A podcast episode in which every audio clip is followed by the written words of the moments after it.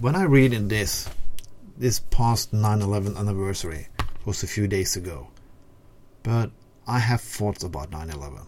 I remember that day, but I also remember a person after 9/11 who who did the most bravest thing a person ever can do.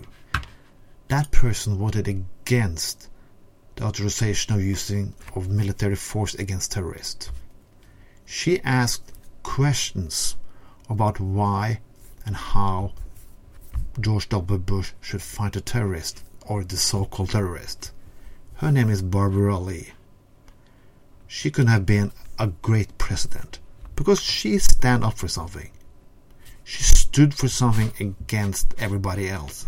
She asked the critical questions politicians sometimes not dare to use, ask. Nobody defended Barbara Lee. No, nearly nobody of her fellow Democratic the congressman defended Barbara Lee, but she said no to Bush. Sometimes in politics, you can look like you're not very sens- sensitive. When I talk, I can sometimes let out that I'm not very sensitive, but I am. Sometimes you have to ask the hard questions, even if it hurts somebody. Because sometimes it do. Barbara Lee is one of those politicians, but I wish there were more. Well, you can say that Bernie Sanders was one of them, but Hillary Clinton was definitely not, and no Republican and nearly no Democrat is, because they're not. People are so afraid about the mass media. They're so afraid of their hatred, being not patriotic, not saying they love their country 24 7 every day of the week. Barbara Lee loves her country. And people who ask the hard questions are the people who really love their country. When you kid do something bad, you can always say your your kid did something bad, but you cannot excuse that um, I love my kid so much, so it's nothing bad about him. Well, it is if he's an asshole.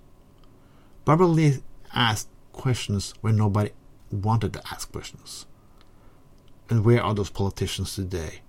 We stand with two candidates who are not going to do it. Jill Stein, yeah, the Libertarian president candidate is just a Republican who likes to smoke weed.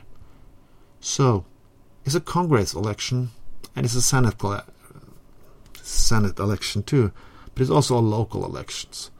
So we what we need is more people like Barbara Lee.